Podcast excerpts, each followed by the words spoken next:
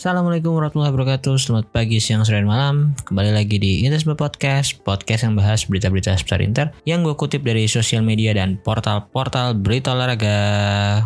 Selamat datang juga untuk teman-teman yang baru mendengarkan Interisme Podcast di episode kali ini. Episode kali ini episode 17 di season kedua Uh, sorry banget nih, gue lama nggak upload. Terakhir upload itu yang bahas calon tim yang akan melawan Inter di UCL bulan Februari nanti ya. Uh, kemarin kan kita belum tahu waktu gue tag podcast itu belum tahu, tapi akhirnya kita uh, drawing ketemu Liverpool ya. Sebelumnya ketemu Ajax tuh, tapi diulang lagi drawingnya ketemu Liverpool. Nah kali ini gue akan membahas uh, beberapa berita yang terbaru juga ya, cukup update. Semoga aja sih kalau kalian denger ya uh, pas baru diupload itu masih hangat lah beritanya. Ini gue ngetek tanggal 6 Januari 2022 atau di hari pertandingan Inter harusnya melawan Bolonya tadi jam setengah tujuh malam. Cuman sayangnya harus dipospon ya karena eh nggak dipospon deh. Cuman sementara ini kalau nggak salah Statusnya itu Inter menang WO 3-0 karena Inter udah bersedia datang ke Renato Dallara atau stadionnya Bolonya. Terus udah persiapan udah sampai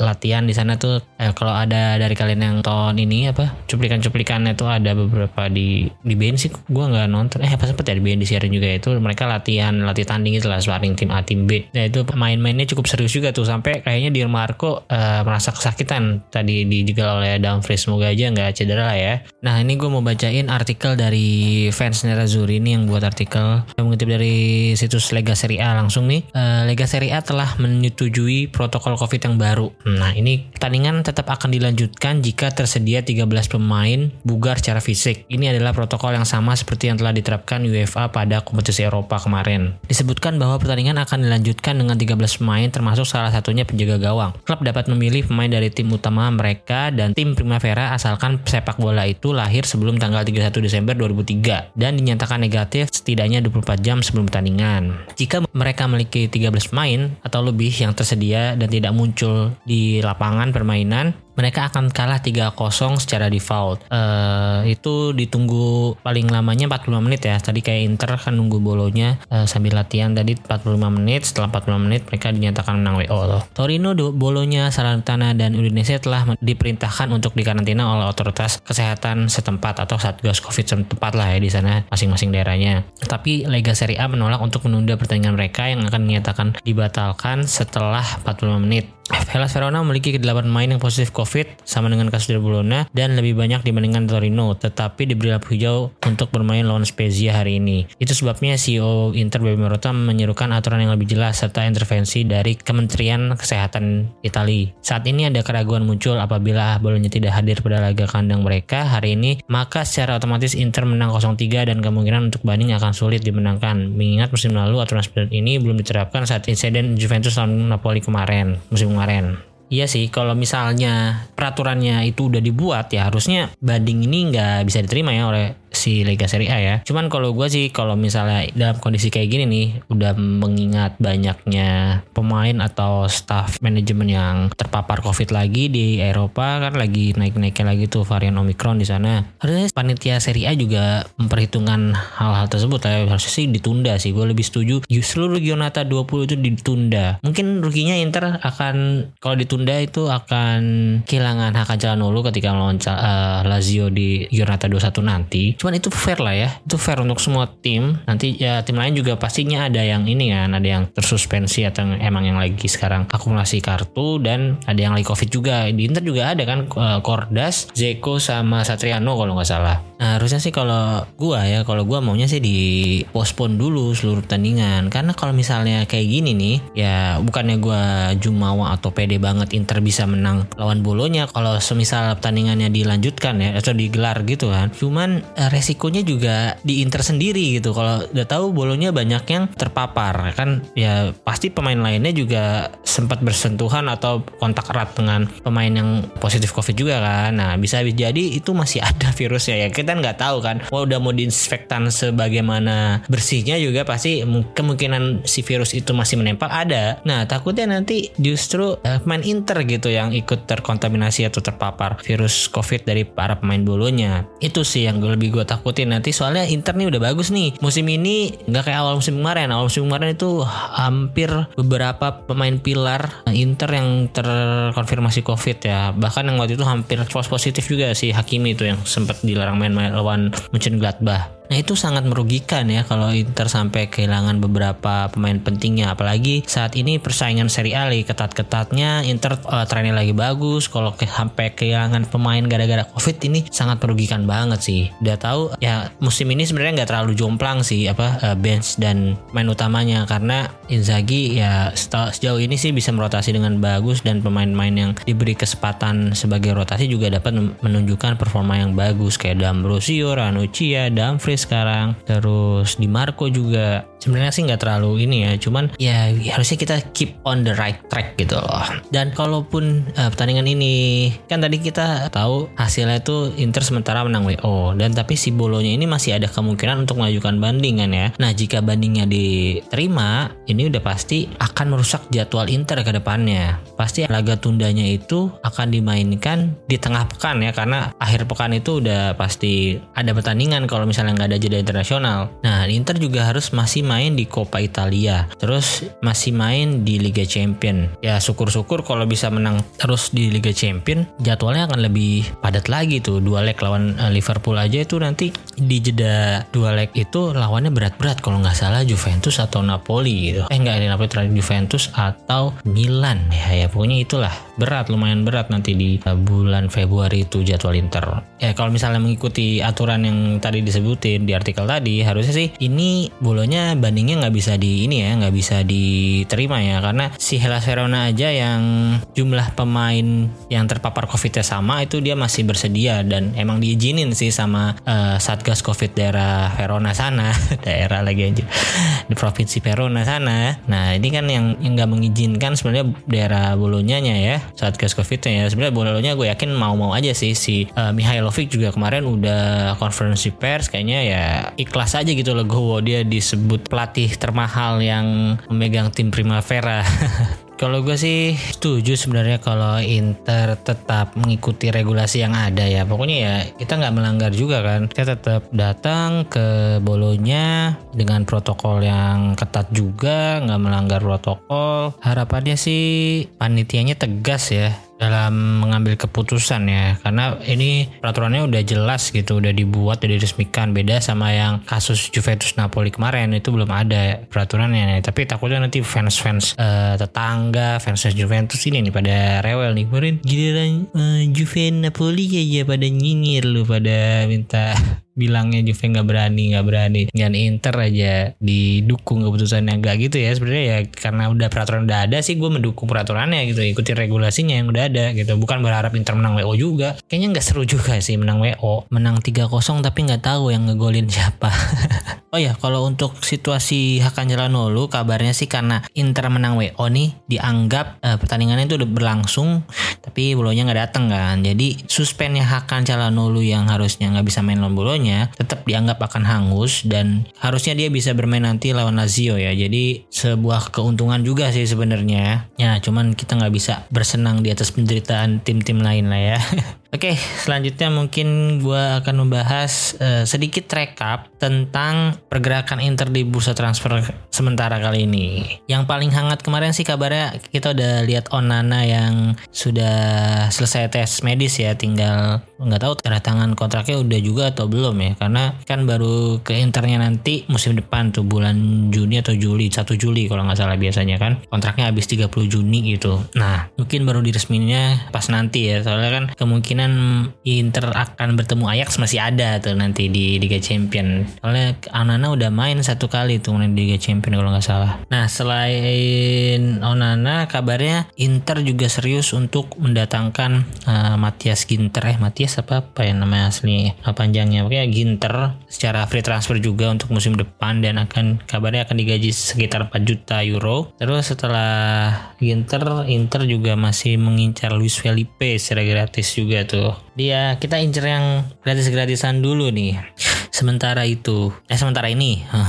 Nah sementara itu baru nih sementara itu tentang pemain Inter yang kontraknya akan habis musim depan. Ini ada beberapa pemain ya. Salah satunya ada pemain jagoan kita yang saat ini lagi bagus atau lagi kembali ke performa terbaiknya yaitu Ivan Perisic. Kabarnya Ivan Perisic ini proses perpanjangan kontraknya menemui jalan buntu nih. Dia maunya gaji 6 juta kontrak satu tahun tambahan. Inter cuman mau gaji 2 juta euro sadis banget nawarnya ini udah kayak di TC cuman 6 juta ketinggian juga sih menurut gua. 6 juta itu ya untuk Lautaro pantes Lautaro Barella gitu pemain yang masih bisa berkembang value-nya masih tinggi itu pantas cuman uh, Perisic ya skillnya bagus dan performanya sejauh ini juga bagus. Cuman ini kan yang umurnya juga masuki 32 tahun atau 33 gitu ya. Harusnya sih seenggaknya sih gue setuju kalau gajinya tetap sama ya. Kalau nggak 4 juta apa 4 setengah juta gitu. Kalau nggak turun sedikit lah jadi 4 juta gitu. Itu uh, win-win solution sih. 4 juta kontrak 2 tahun lagi jadi ya masih Inter masih bisa pakai jasanya sih. Menurut gue sih 2 tahun lagi untuk mentor juga nanti kalau ada pemain baru misalnya Philip Kostik jadi inceran utama kabarnya kan. Terus untuk pemain yang akan habis kontraknya lagi nih gue sebutin ya ada Samir Handanovic, Alex Kordas, Andrea Ranocchia, Alexander Kolarov, Danilo D'Ambrosio, Marcelo Brozovic, Matias Vecino dan Arturo Vidal. Dari kabar-kabar yang udah ada juga ada Novik juga masih ditawarkan kontrak baru ya sepanjang 2 tahun. Gajinya diturun ke 2 juta sampai dua setengah juta itu nanti dia akan diproyeksikan jadi kiper pelapis kiper pelapis dari Andre Onana. Dan Andre Onana ini kan juga uh, berkebangsaan Kamerun ya? Atau apa gitu lupa. Pokoknya dia akan main di Piala Afrika setiap 2 tahun. Nah di bulan Januari Februari itu kemungkinan dia akan absen beberapa laga sekitar 4 sampai 6 laga liga Nah, laga di luar liganya tuh kayak Coppa Italia atau UCL juga kemungkinan akan absen juga. Makanya Inter butuh pelapis yang sepadan ya. Kalau kita ngomongin Handanovic sih kalau di performa yang sekarang ini masih oke okay untuk jadi pelapis ya. Cuman nggak tahu di satu atau dua tahun ke depan. Kemudian untuk Marcelo Brozovic ini masih agak ya of gue optimis sih. Kayaknya 75% lah ya ini dari kemarin tuh beritanya uh, Brozovic udah oke, okay, udah oke. Okay cuman ya belum belum ada tanda tangan tanda tangannya nih terus siapa lagi yang mau diperpanjang kira-kira ya kalau kayak Alex Kordas atau Matias Vecino, Alexander Kolarov itu ke kecil kemungkinannya sih. Sampai saat ini beritanya juga belum ada yang berbunyi akan diperpanjang kontraknya Terus update lagi selain dari eh, perpanjangan kontrak main, ini ada berita kalau Philip Kostik dipersiapkan jadi pengganti Ivan Perisic jika tetap kekeh dengan permintaan tingginya. Kabarnya itu ya untuk musim depan tapi ya bukan untuk Januari ini karena udah pasti uh, timnya sekarang itu apa lagi gue lupa. Etra Frankfurt apa Mönchengladbach? Bukan Mönchengladbach, Etra Frankfurt kalau nggak salah. Itu dia nggak mau pasti kalau dengan skema peminjaman Nah, terus Lukas Digne yang dipersiapkan untuk uh, Vice Perisic musim ini. Cuman tadi kabar terbaru juga Lukas Digne menolak ya atau PSG-nya yang menolak gitu.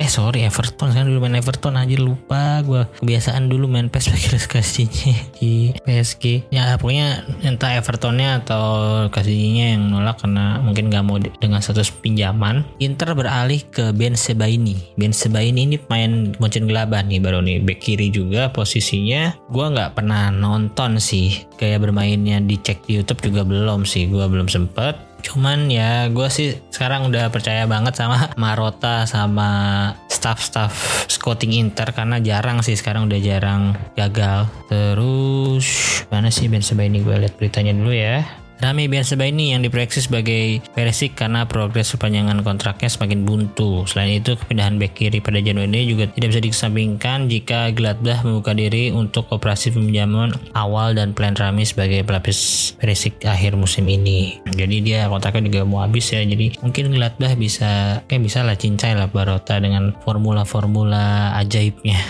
Terus jauh ini sih belum ada gosip-gosip Inter akan beli langsung pemain ya kan yang nggak tahu duitnya ada apa nggak nih. Apalagi nih ya yang gue bisa bacain untuk kalian. Oh ini nih paling ini. Tentang artikel dari akun 90 Minute, Hakan Calhanoglu menjadi best signing di 2021. Ini listnya dibuat berdasarkan impactnya, mungkin dari impact sama harga yang dikeluarin tim untuk mendapatkan pemain tersebut ya. Di sini nomor satu Hakan Calhanoglu, nomor dua Sebastian Haller dari West Ham ke Ajax, tiga ada Lingard dari MU ke West Ham, empat ada Edin Zeko dari Roma ke Inter, lima ada Josesa dari ini Olympiakos ya. Ke Wolverhampton, terus ada Conor Gallagher dari Chelsea, ini pemain muda nih akademi Chelsea ke Crystal Palace, 7 ada Aaron Ramsdale dari Sheffield ke Arsenal, 8 ada Fikayo Tomori ke Milan ya dari Chelsea, 9 ada Emmanuel, Emmanuel Dennis, 10 ada Tomiyasu bulunya ke Arsenal, 11 ada Demarai Gray, 12 ada Tino Livramento dari Chelsea ke Southampton. Ya lumayan ya, ini dua pemain gratis kita masuk ke top 10 atau top 12, top 5 bahkan ini uh, pemain best signing di bursa transfer 2021 kemarin. Di musim panas ya. Terus uh, ya kabar Lukaku sih udah nggak perlu kita omongin lagi ya. Lukaku ya kemarin sempet bikin berita. Kemarin dia interview sama Sky ya. Gue nggak tahu tuh yang minta Sky-nya atau Lukaku-nya tuh yang so ide.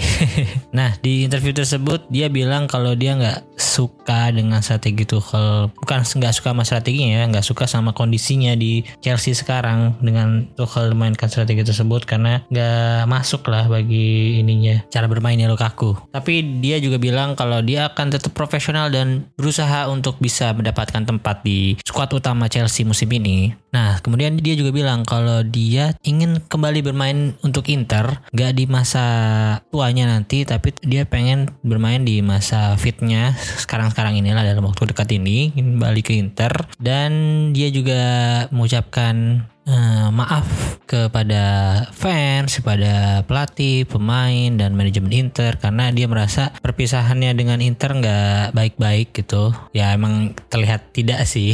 Dan terlihat banget demi uang lah ya mungkin dia sadar juga kali sekarang ya giliran udah sulit di tim barunya baru nyadar dia padahal kemarin kita juga nggak butuh butuh banget baru Lukaku kan ya. Lukakunya yang mau ternyata. Kemudian dari hasil interview tersebut banyak reaksi. Salah satunya dari Chelsea pastinya yang merasa ini nggak nggak bener nih pemain Chelsea masih aktif ngomongin tim lain main main di, di tim lain ini jadi kontroversial nih. Akhirnya si Tuchel Tuchel dan manajemen Chelsea memutuskan untuk menyampingkan atau nggak membawa dirinya ketika pertandingan lawan Liverpool. Nah tapi setelah itu mungkin Lukaku juga meminta maaf kepada manajemen, kepada fans Chelsea dan lain-lainnya. Akhirnya dia kembali masuk ke skuad Chelsea ketika melawan Tottenham di Carabao Cup kemarin. Ini sih ibaratnya kayak artis Indonesia ya yang cari sensasi gitu bla bla bla bla bla, cari berita di saat namanya udah mulai redup, di saat karirnya udah jelek gitu di saat mainnya udah nggak bagus. Nah, dia nyari sensasi nih si Lukaku nih. Terus uh, begitu udah kelar udah naik lagi namanya diklarifikasi minta maaf ujung-ujungnya. Nah, akhirnya kembali diterima oleh squad Chelsea. Bisa main lagi di sana. Ini aduh, kebaca banget nih sama netizen Indonesia cara-cara mainnya. Nggak bener-bener tulus sebenarnya kayaknya. Dan kurva North ya nggak gua nggak tahu kurva North apa fans Inter uh, lainnya gitu sempat majang spanduk kan kalau kita nggak butuh Lukaku lagi kita nggak butuh butuh maafmu bla bla bla gitu lah pokoknya nggak maafin lah apa fans Inter kalau gue sih kalau gue sih uh, pribadi gue sih kalau Lukaku mau balik oke oke aja. Orang dia pemain bagus kok terbukti di uh, di Italia dia bisa mendominasi. Cuman ya balik lagi ke manajemen. Kalau misalnya manajemen itu pikir bisa apalagi kalau misalnya dengan dry loan ya bener-bener nggak ngeluarin duit sama sekali itu bisa. Dan Inzaghi juga mau masuk ke skemanya Inzaghi ya kenapa enggak gitu. Gue sih kalau masalah sakit hati sih enggak malu aku ya. Cuman ya kesel dikit aja. Kalau demi uang tuh apa apa bisa bikin buta semuanya Kalau kalian gimana nih? Kalau misalnya emang bener-bener Lukaku nanti akan dijual oleh Chelsea atau dipinjemin Chelsea, apakah kalian mau menerima? Kalau gue sih, seperti gue bilang tadi, gue mau menerima. Dan gue rasa fans-fans lain pun yang sekarang sakit hati atau apa, kalau nanti performa Lukaku uh, bagus lagi di Inter, pasti akan maafin-maafin aja sih. Oke, gitu aja deh untuk Lukaku. Cuman nyari sensasi doang sih menurut gue dia. Kemudian untuk jadwal selanjutnya Inter akan bermain melawan Lazio pada tanggal uh, 10 atau hari Senin jam 2.45 pagi ini udah jam begadang lagi. Bermain di kandang di San Siro, Inter akan menjamu Lazio dengan misi balas dendam tentunya ya karena di pertemuan pertama Inter harus kalah dengan skor 3-1 pada tanggal 16 Oktober kemarin ya. Kalau dari susunan pemain sih kalau udah masa-masa pandemi gini udah sulit diprediksi ya. Bisa jadi nanti ada beberapa pemain mendekati hari pertandingan cedera atau ada yang covid tamit-tamit. Ya itu udah takdir lah udah susah untuk diprediksi ya sekarang. Semoga aja sih intinya pemain-pemain Inter sehat-sehat semua dan nah fit-fit semua ya. Yang yang cedera juga udah pada sembuh kayaknya kayak Korea Alexis Sanchez atau Vidal harusnya udah fit kembali. Darmian juga. Ya cuman di Marco tadi tuh gara-gara nggak jelas yang bisa kalau itu cedera tuh nggak cedera terus jelas gara-gara latihan atau gara-gara pemanasan nunggu tim lawan datang. Oke, okay, kalau menurut gue sih Inter akan tetap melanjutkan tren positifnya ya. Calhanoglu bermain dengan baik. Dia jadi ini juga ya. Jadi pemain terbaik bulan Desember kalau nggak salah. Eh, bukan sorry. Jadi pemain terbaik Serie A paruh musim. MVP paruh musim lah ya. Gue juga setuju sih dengan penampilan dan perolehan statistiknya juga bagus ya dan pantas lah dia. Satu lagi ada berita gembira atau berita bagus juga. Yang sebenarnya Zagui dinobatkan menjadi pelatih terbaik bulan Desember dengan statistik yang bagus juga nih. Dari lima pertandingan 5 kali menang. Terus 15 kali ngegolin 0 kebobolan. Jadi clean sheet di 5 pertandingan seri uh, capaian yang bagus ya di seri uh, di Desember juga padahal lawannya nggak nggak yang di atas kertas ada yang ada yang sulit, ada yang mudah, cuman itulah sebenarnya ujiannya lewat lawan tim yang kayak gitu. Dan di Januari ini, Januari dan Februari sih sebenarnya yang krusial itu. Biasanya Inzaghi atau pelatih-pelatih lainnya tuh kayak Spalletti, kayak Pioli itu kehabisan bensin saat uh, menangani tim sebelumnya Inzaghi atau lawan di waktu di Lazio juga sempat kehabisan bensin setelah Januari Februari ini Nah, semoga di Inter nggak terjadi seperti itu lagi ya. Inter juga tahun kemarin ketika dipegang oleh Conte di bulan-bulan ini sangat krusial. Untungnya Inter bisa melewati eh, bulan-bulan uh, ini dengan baik saat kemarin itu. Jadi kita udahakan aja Simone Inzaghi, Hakan Calhanoglu dan pemain-pemain Inter lainnya dapat meneruskan tren positifnya, bisa bermain dengan baik, kolektif, tidak bergantung dengan satu dua pemain aja. Untuk prediksi skor sih 2-1 lah ya. 2-1 kalau 2-0 clean sheet lagi sih. Gua tepuk tangan banget sih bisa clean sheet lawan Lazio. Oke, mungkin segitu aja untuk episode kali ini. Dan BTW episode kali ini juga gue menggunakan mic baru nih. Semoga ada bedanya ya dari segi kualitas suara. Semoga semoga bisa lebih baik uh, audionya, lebih jernih gitu pasti kalian bisa ngebedain lah nanti dari episode-episodeku yang sebelumnya. Episode 16 ke bawah sama episode 17 ke atas nanti nih. Kayaknya ada perubahan sih.